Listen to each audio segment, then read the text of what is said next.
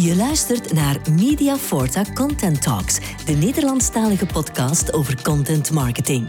Bij ons hoor je inspirerende verhalen over content makers, tips en tricks voor lead generators en strategisch inzicht van experten voor marketeers.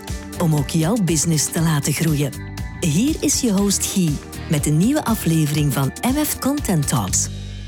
Dag eh, beste luisteraars. Vandaag opnieuw een duo-gesprek in het kader van het uh, jaarboek Visie 2023, waarin deze keer 23 experten in marketing en digitale communicatie hun zegje doen over wat ze denken uh, hot topics te worden in het nieuwe jaar. Ik praat met Vanessa Teunissen, Global Insights Consultant bij onderzoeksbureau GFK, en Frederik Vermeijren, zaakvoerder bij SEO-specialist Visio. Welkom Vanessa en Frederik. Dankjewel. Hallo, dag Guy. Gezien jullie uh, vakgebieden die ik net noemde, gaan we het natuurlijk hebben over data en onderzoek in marketing. Al trekken we dat iets breder dan jullie bijdragen in het jaarboek. Trouwens, uh, even meegeven uh, dat er naast jullie bijdragen in dat boek ook een biootje staat, indien luisteraars wat meer background willen of contact met jullie willen opnemen. Hoe en waar het uh, visie e-book uh, kan bekomen worden, leg ik aan het einde van de aflevering nog uit. Zullen we bij wijze van uh, inleiding voor onze babbel even kijken wat volgens jullie een centrale plaats krijgt of, of belangrijk wordt in het komende jaar? En, en Vanessa, wij zijn galant, dus laten we de dames eerst aan het woord. Dankjewel, Guy. Ja, voor mij gaat het uh, van belang zijn dat de marketeer van 2023 goed voorbereid moet zijn. En hiermee wil ik zeggen dat de tijd naar volgend jaar toe misschien zelfs nog mogelijker gaat worden dan vandaag. Mensen zitten echt met het water aan hun lippen. En wanneer dat je gaat kijken nu naar de inflatie en de hoge energieprijzen, is het daarom net nog belangrijker dat marketeers de juiste keuze gaan maken, zodat ze ervoor kunnen zorgen dat hun businessmodel niet volledig gaat neerstorten volgend jaar. Dat heb je mooi in één zin vervat, uh, Vanessa. Frederik, wat verdient uh, volgens jou de volle aandacht van marketeers en contentmakers in 2023? Ja, dat is toch wel uh, het, uh, het, belang van uh, first-party uh, data. Ik denk dat we ondertussen met Google Analytics bijvoorbeeld toch wel third-party data moeten onder de loep nemen. Um, en wat ook voor SEO zeer belangrijk is, en zoekmachine marketing to court, is dat we eigen bezoekers, dus ons owned kanaal, kunnen bezoekers gaan, gaan aantrekken. Dus inderdaad, data is, is heel belangrijk en analytics, maar mijn focus voor 2023, en dat is ook zo bij mijn klanten, zal op uh, first party data gaan aanleggen. Oké, okay, denk je, de naam Google is gevallen, hè? maar wat is er allemaal gaande bij Google? Het uh, einde van een tijdperk, wanneer het uh, populaire Universal Analytics wordt stopgezet voor GA4, het einde van third-party cookies ook, en misschien minder in de pers, maar misschien nog doortastender is het feit dat niet meer alle pagina's worden geïndexeerd. Hoe zit dat juist? Uh, inderdaad, het klopt. De Universal Analytics of Google Analytics 3 ermee ophoudt. En dat is toch wel een hele verandering voor, voor online marketeers. want um, een, een, paar kleine wijzigingen is het absoluut niet. Met Google Analytics 4 zitten we met een heel ander systeem um, die straks gaat moeten gebruikt worden om te rapporteren. Maar um, inderdaad, wat is er allemaal gaande bij, bij Google? Ja, sowieso heel veel. Maar er is wel een trend richting 2023 en later, waarbij Google eigenlijk uh, het web niet meer aan kan, zoals ik dat zeg. Uh, er komen heel veel pagina's, iedereen wil in de zoekmachine zichtbaar zijn. En Google slaagt er niet meer in om al de belangrijkste pagina's van je website eventueel te gaan crawlen. Dus als een spin door het internet gaan en proberen te snappen waar pagina's zich bevinden en indexeren, snappen wat er op een pagina staat. Dus wij moeten als webmasters, webbouwers, gewoon betere websites bouwen, waarbij we eigenlijk de belangrijkste pagina's op een website beter onder de aandacht gaan, uh, gaan brengen. We kunnen het niet meer toevertrouwen aan Google, dat we gewoon pagina op onze website gooien en fingers crossed dat Google die vindt. Zo werkt het helaas niet meer richting 2023. Uh, Vanessa, merk jij uh, die stress ook bij bedrijven? Is er een beetje paniek of berusten marketeers en wachten ze af? Uh, houden marketeers algemeen te veel vast aan een status quo en spelen ze te weinig in op veranderingen? Ja, momenteel zitten we natuurlijk in een enorm snel veranderend landschap. Als ik nu bijvoorbeeld kijk ook hè, naar wat er gebeurt allemaal in China, waar social commerce enorm gaat opspelen, ja, dat zijn natuurlijk allemaal nieuwe vormen van data die je kan bereiken. Wat dat er nu gebeurt momenteel met Universal Analytics, ja, dan is het toch wel aangeraden voor bedrijven om eens te gaan kijken wat dat ze anders kunnen gaan gebruiken. En ook om snel natuurlijk te gaan schakelen. Dus ja, er heerst sowieso wel wat stress bij bedrijven de dag van vandaag. Ik volgde recent een aantal groepen rond analytics en data. En rond GA4 zie ik uh, de wildste dingen de revue passeren.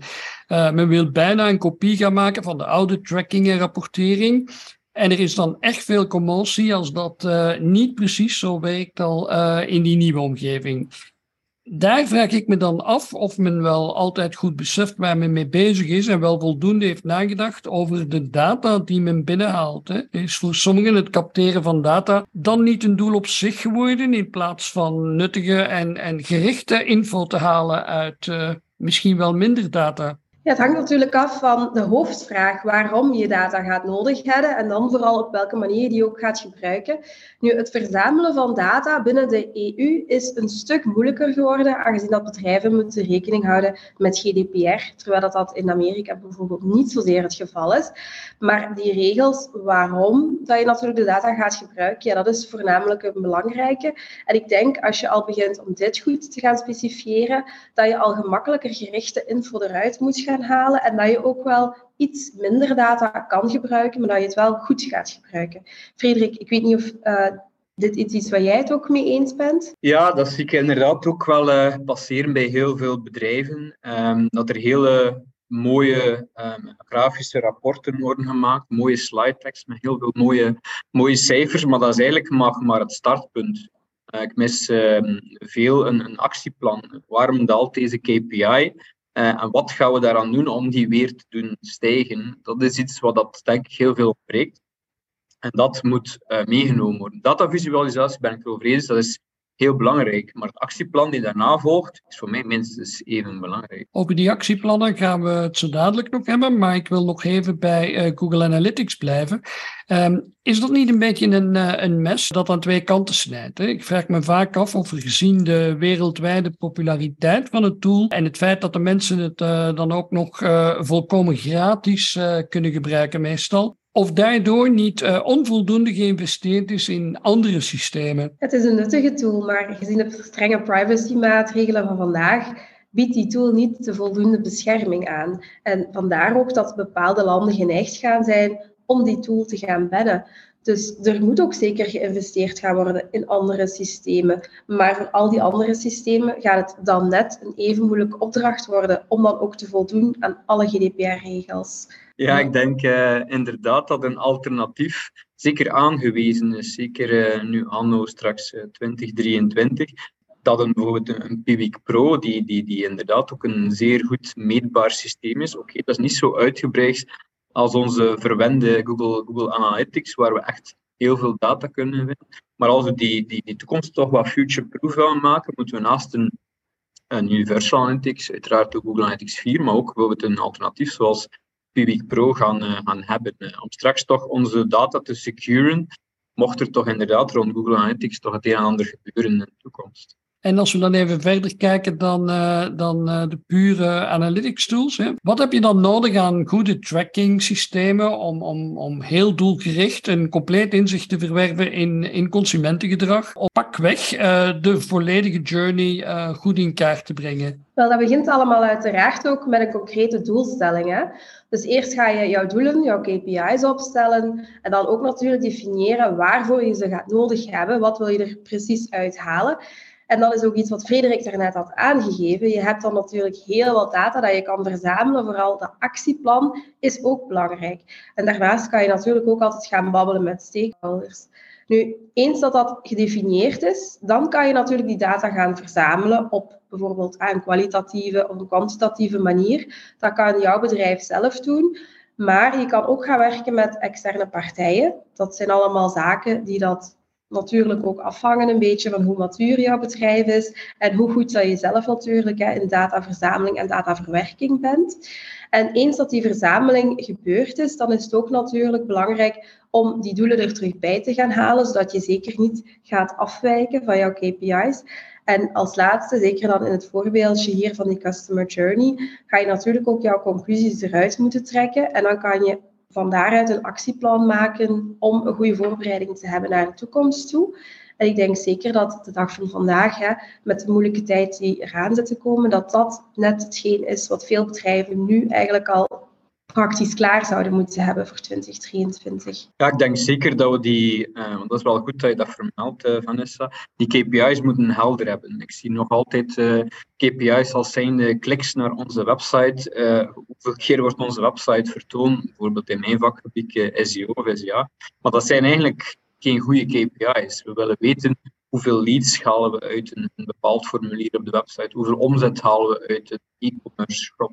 Dus dat helder stellen van die KPI's is ook al een, oefening op zich. Ja, een, een oefening op zich. Hè? Maar ik, ik hoorde uh, nood aan een duidelijke strategie, um, heel uh, goed en duidelijk analyses maken, KPI's voorop stellen. Toch kan ik me niet van het idee ontdoen dat, dat heel wat bedrijven denken dat ze data um, goed capteren, de juiste data-driven beslissingen nemen, maar in werkelijkheid toch vaak uh, de bal uh, nog verkeerd slaan. Maar hoe werk je dan concreet aan, aan een goede data-driven uh, strategie? Ja, ik voornamelijk terugdenken aan jouw core business. En dan ook gaan kijken, ja, ben ik hier nog tevreden mee? Of wil ik toch gaan veranderen van strategie? Die concrete doelstellingen, die ga je natuurlijk voor jezelf opleggen, maar ook voor jouw doelgroep, voor jouw stakeholders. En dan daarnaast vind ik het ook altijd een goede oefening om eens te gaan bekijken wat de concurrentie doet en daar ook jouw conclusies uit trekken.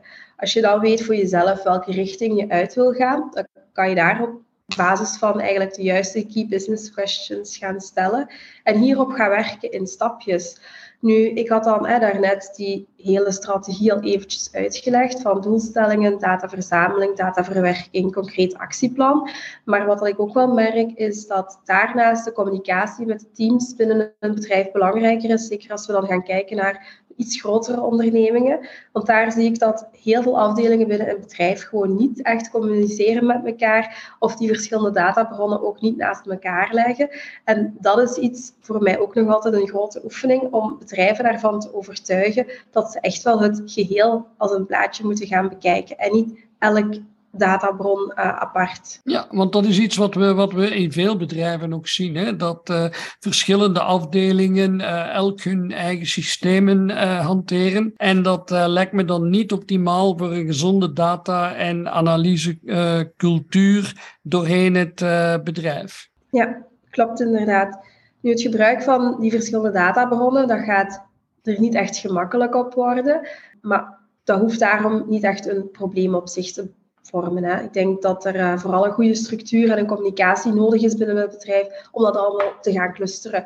Nu, Frederik, ik weet niet of dat uh, bij jouw cliënteel ook zo hetzelfde is, maar bij ons opteren we er toch dan voor om voor één groot datasysteem te gaan in de plaats van voor verschillende. Ja, zeker. Uh, ik denk dat dat uh, de, de eind, het einddoel moet gaan zijn. Maar denk vooral, uh, stap 0 meestal is die inventarisatie van al die bronnen. We kunnen niet ervan uitgaan dat iedereen op dezelfde manier, zoals Guy zegt, werkt. Maar echt wel het gesprek aangaan met mensen van hoe, hoe werk jij, welk systeem gebruik jij? Zit je nog met een Excel bepaalde datapunten te verzamelen of ga je dat toch in een ander systeem gaan doen? Gewoon die eerste stap is volgens mij al cruciaal om dan, zoals je zegt, Vanessa, dat einddoel van het, eerst, van het mooie geïntegreerde systeem waar iedereen op werkt te gaan uh, uitrollen. Ja, waarschijnlijk daarnaast ook natuurlijk dat je echt goede data-analysten of data-experts hebt. Uh, want dat zie ik ook wel soms eens terug bij de bedrijven waar ik werk. Die zetten dan product managers, marketing managers, sales managers allemaal op die data. Maar dat zijn natuurlijk niet per se echt mensen die dat de nodige kennis hebben om van big data naar small data naar insights te gaan. Dus dan ga je toch ook wel moeten werken met een, een data-expert. En dat is iets wat ik ook altijd naar uh, klanten toe als aanbeveling geef. Om daar toch ook zeker op te focussen. En dat dat niet zomaar even uh, tussen de soep en de patatten door moet gebeuren. Ja, ja. dat zien wij ook inderdaad. Uh, dat we dan, onze kant op machine marketing is vooral het World Wide Web. Dat wij heel veel webdata hebben. Maar inderdaad, als je een geïntegreerd systeem hebt met ERP, CRM, dan heb je meer dan een webdata-analyst nodig. Je hebt iemand die verschillende bronnen kan combineren. En niet alleen iets weet over, over kliks en over uh, Google Ad-campagnes natuurlijk. Ja, en als externe experten kunnen jullie natuurlijk jullie kennis en, en, en mensen inzetten bij bedrijven die dat willen. Uh, maar leeft er ook niet een, een zekere vrees om het uh, capteren en interpreteren van data van het bedrijf uit handen te geven? Ja, nu, in-house knowledge is sowieso pluspunt, hè, maar het moet ook passen binnen de organisatie. En indien dat je een specifiek project uit handen geeft aan experts, kan het dat die er effectief veel efficiënter en sneller mee kunnen werken. Dat is dan ook wel een grote kost die je kan besparen door je personeelsleden dan er niet mee aan de slag te laten gaan, omdat zij er dan misschien bij wijze van spreken weken over moeten doen. Nu, het samenbrengen van verschillende datavormen naar één platform is wel de meest ideale situatie, hè, dat iedereen uh, zou willen. Um, en dan kan je ook in no time raad, gegevens raadplegen. Er zijn geen kostbare uren die verloren gaan naar het samenvoegen van verschillende datasets enzovoort. Maar ja, de outsourcing, dat is natuurlijk iets wat ook altijd mogelijk is. Wij doen dat zelf ook hè, binnen het marktonderzoeksbureau. We merken toch ook wel dat uh, klanten daar soms gewoonweg de tijd niet voor hebben of ook niet de nodige kennis voor hebben. Dus het is ook altijd een, eh, een optie. Frederik, ook voor jou is het uh, harmoniseren van, van alle gegevensbronnen en, en die complementariteit uh, van alle info een, een heel belangrijke, denk ik. Hè? Om, om de consument op elk moment van de juiste informatie te voorzien, op elke stap van die klantenreis. Niet? Ja, klopt. Die customer journey uittekenen is voor ons cruciaal. Wij hanteren ook altijd een, een soort van model het seating-to-model, waarbij iemand in de C-fase eigenlijk nog niet bewust is van zijn probleem. Um, en zo eigenlijk door die marketing funnel heen gaat uh, gaan, uh, door geïnspireerd te worden door whitepapers en uiteindelijk op het einde van de rit, in de do-fase, uh, of de purchase-fase, de aankoop of uiteindelijk dat, dat, dat lead-formulier gaat, gaat invullen inderdaad. Vanessa, uh, je hebt het in dit uh, jaarboek over artificiële intelligentie die kan helpen om functionelere en betekenisvollere uh, inzichten te krijgen in de markt. kan je eens een voorbeeld geven van hoe AI ons kan helpen om die betere inzichten te hebben? Ja, natuurlijk. Uh, artificial intelligence en ook machine learning technologieën zijn essentiële hulpmiddelen, omdat ze toch een aanzienlijke waarde kunnen geven die anders misschien onbenut zouden blijven. Dus artificial intelligence, maar ook machine learning, die bieden marketeers het inzicht om effectievere beslissingen te nemen. En die zorgen er ook voor dat marketingbudgetten zo efficiënt mogelijk worden gebruikt om uh, resultaten te behalen. Nu, door kunstmatige intelligentie en machine learning toe te voegen aan jouw klantengegevens, kunnen marketeers een beter begrip van hun klanten krijgen allereerst. Ze kunnen dan ook gaan kijken wat voor soort productaanbevelingen dat het zou kunnen opleveren. Ze zouden ook de levenslange waarde van een bepaalde klant kunnen voorspellen, inzicht geven in het klantenverloop, voorkeurscommunicatiekanalen aangeven en uiteindelijk ook hè, beginnen te bepalen hoe waarschijnlijk het is dat die marketingactiviteiten zullen resulteren in een klantactie. Dat is iets wat met manueel gericht werkt door de data-experts natuurlijk allemaal veel langer in beslag zou nemen. Dus daarbij zou artificial intelligence en machine learning zeker en vast kunnen helpen. Frederik, hoe zit het met uh, artificiële intelligentie en SEO? Hè? Uh, kan het ons uh, helpen om gerichter te adverteren? Of is er eigenlijk vandaag al heel veel AI binnengedrongen in de systemen die we gebruiken zonder dat we het zelf altijd beseffen? ja, inderdaad. Qua SEA, dus Search Engine Advertising, heeft Google een heel slim systeem op poten uh, gezet om eigenlijk zo snel mogelijk en op een goede manier tegen een lage kost mensen via de zoekmachines te gaan, uh, te gaan bereiken.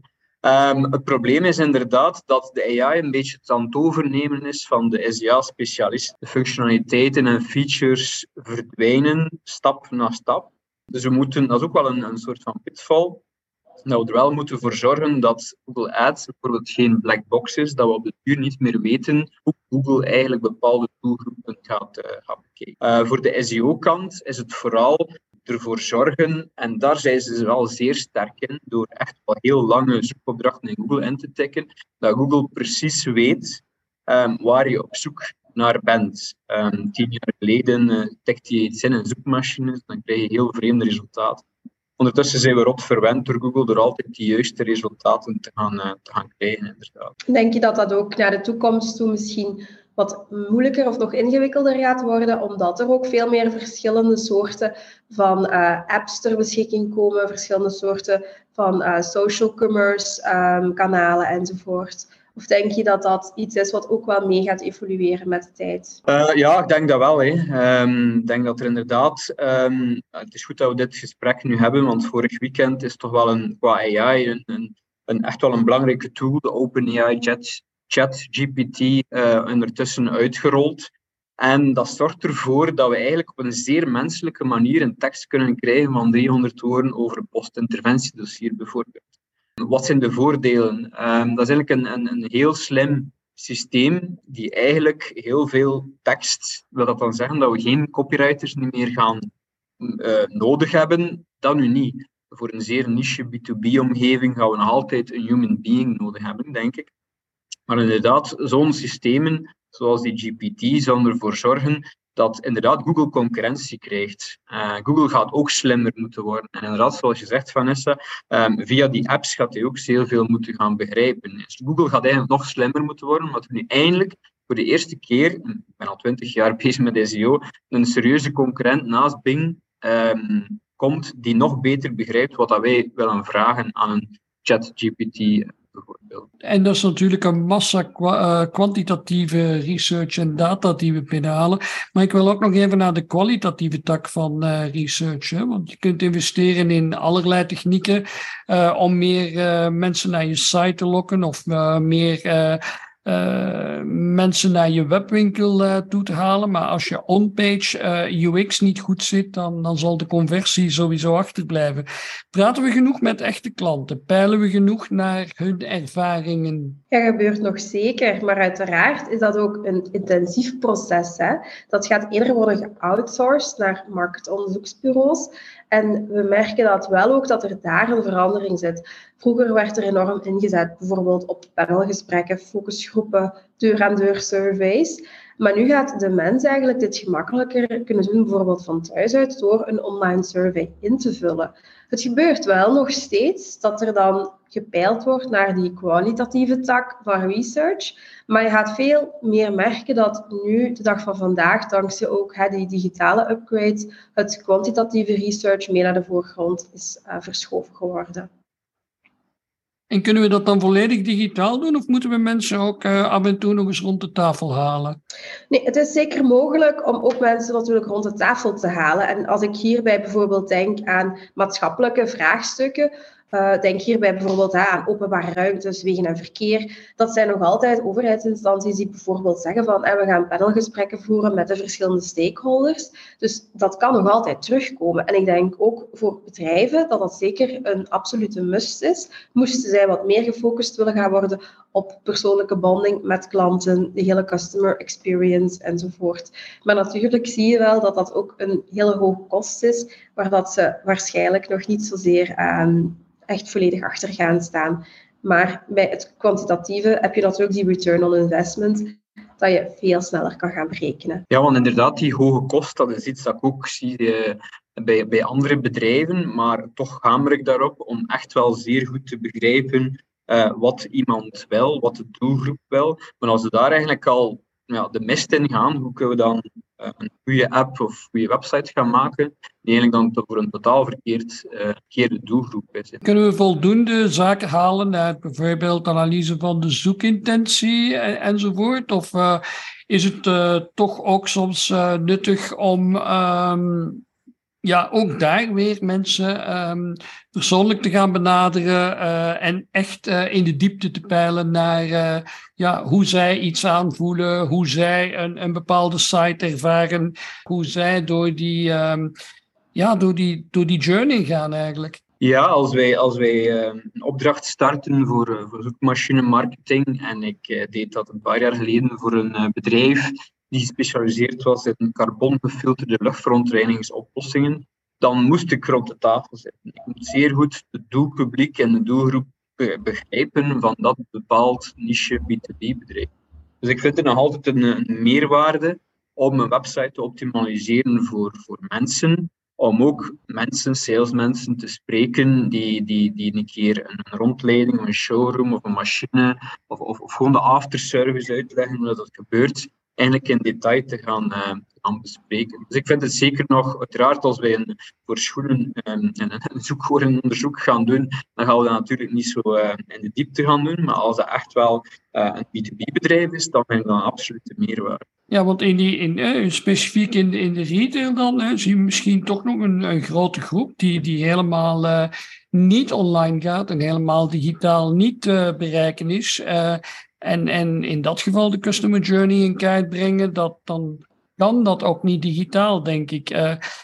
extrapoleren we in zo'n geval niet te veel en, en te vaak. Ehm, als we ons toch vooral op uh, digitale uh, informatie en data uh, gaan richten. Ja, dat is een zeker donkere steken verborgen achter die digitalisatie. Hè? Dat is dus dus niet enkel bijvoorbeeld de oudere bevolking, maar ook mensen die zich zulke technologie niet kunnen veroorloven. En vandaar ook nog steeds het belang van kwalitatief onderzoek, maar ook om op zoek te gaan naar manieren om toch die groepen ook mee op te nemen. Nu, bij de extrapolatie ga je uiteraard hier ook wel rekening mee houden dat vanaf een leeftijd van 65 plus bijvoorbeeld, je slechts een deel van de bevolking gaat aanspreken dat wel digitaal actief is en een groot deel van de bevolking dat natuurlijk niet op, uh, op al die digitale innovatieve dingen zitten. Dus daar uh, moeten we zeker ook mee rekening houden, ja. Ja, ik denk zeker dat um, inderdaad uh, veel mensen het, het, research online doen en purchase offline, inderdaad, dus ROPO. Dus moeten we inderdaad voor heel veel klanten ook informatie, advies gaan geven. Oké, dat die conversie en die, die sale dan niet online loopt, maar die kan dan bijvoorbeeld via een fysieke store effectief gaan gebeuren. Wat dat voor ons moeilijk is, maar misschien kan Vanessa daar wat meer uh, diepte over geven, is zo die, die verbinding tussen online heel veel doen en effectief offline dan een aankoop gaan doen. Dat is een heel moeilijk proces toch, Allee, voor onze bedrijven en klanten om die customer journey eigenlijk in kaart te gaan uh, brengen. Uh, ja, dat is een uitdaging voor ons. Ja, nee, maar dat doen wij inderdaad ook al binnen marktonderzoek enorm veel. Wij sturen bevragingen uit naar klanten. Stel nu bijvoorbeeld dat zij een bepaald product willen gaan aankopen, waar dat zij hun research gaan halen. En dan lees je eigenlijk heel vaak dat dat voornamelijk online is. Hè. Dat is heel gemakkelijk, enorm toegankbaar ook. Maar als je dan gaat kijken naar de actuele purchase, wat er gebeurt, is dat mensen soms online iets gaan opzoeken. Wil daarom niet zeggen dat ze het ook online gaan aankopen. Dan gaan ze toch terug naar de fysieke winkel om zich dan dat product te gaan veroorloven. Nu, waarom dat de persoon in kwestie dan van online naar offline gaat, ja, dat is natuurlijk een vraag dat veel bedrijven in het achterhoofd hebben. En uiteraard, ja, daar kunnen we dan met verder onderzoek ook hè, naar helpen. En anderzijds vinden we het ook totaal niet slecht dat die dingen gebeuren, want hoe dat wij het nu in kaart brengen, zeker dan op de Europese markten, is omnichannel toch een belangrijk verhaal. Je gaat zien dat voor sommige markten online super belangrijk is, terwijl dat hier in België je toch ook wel gaat zien dat de traditionele retailers eigenlijk het ook nog steeds zeer goed doen. Een en ander heeft natuurlijk ook te maken met de kost van data en uh, uh, verzameling en research. En Vanessa, jij pleit er in jouw bijdrage in het jaarboek expliciet voor om anticyclisch te investeren. En dus uh, net in tijden van crisis de inspanningen en dus het budget op te schroeven. Dat lijkt me niet zo makkelijk om als CMO dat budget tijdens de budgetronde los te krijgen. Wat zijn de argumenten die je dan kunt gebruiken? Ja, daar gaat altijd uiteraard een dikkere kost gepaard met marketing en research. Die moet ook zeer goed gebudgeteerd worden op voorhand. Dus ieder bedrijf gaat ook een forecasting doen. Nu, de tijden van vandaag, daarin denken bedrijven er misschien over na om toch op te letten met hun uitgaven en die te gaan terugschroeven. Maar onderzoek heeft in het verleden wel ook al aangetoond dat je zelfs in tijden van crisis moet blijven investeren in marketing.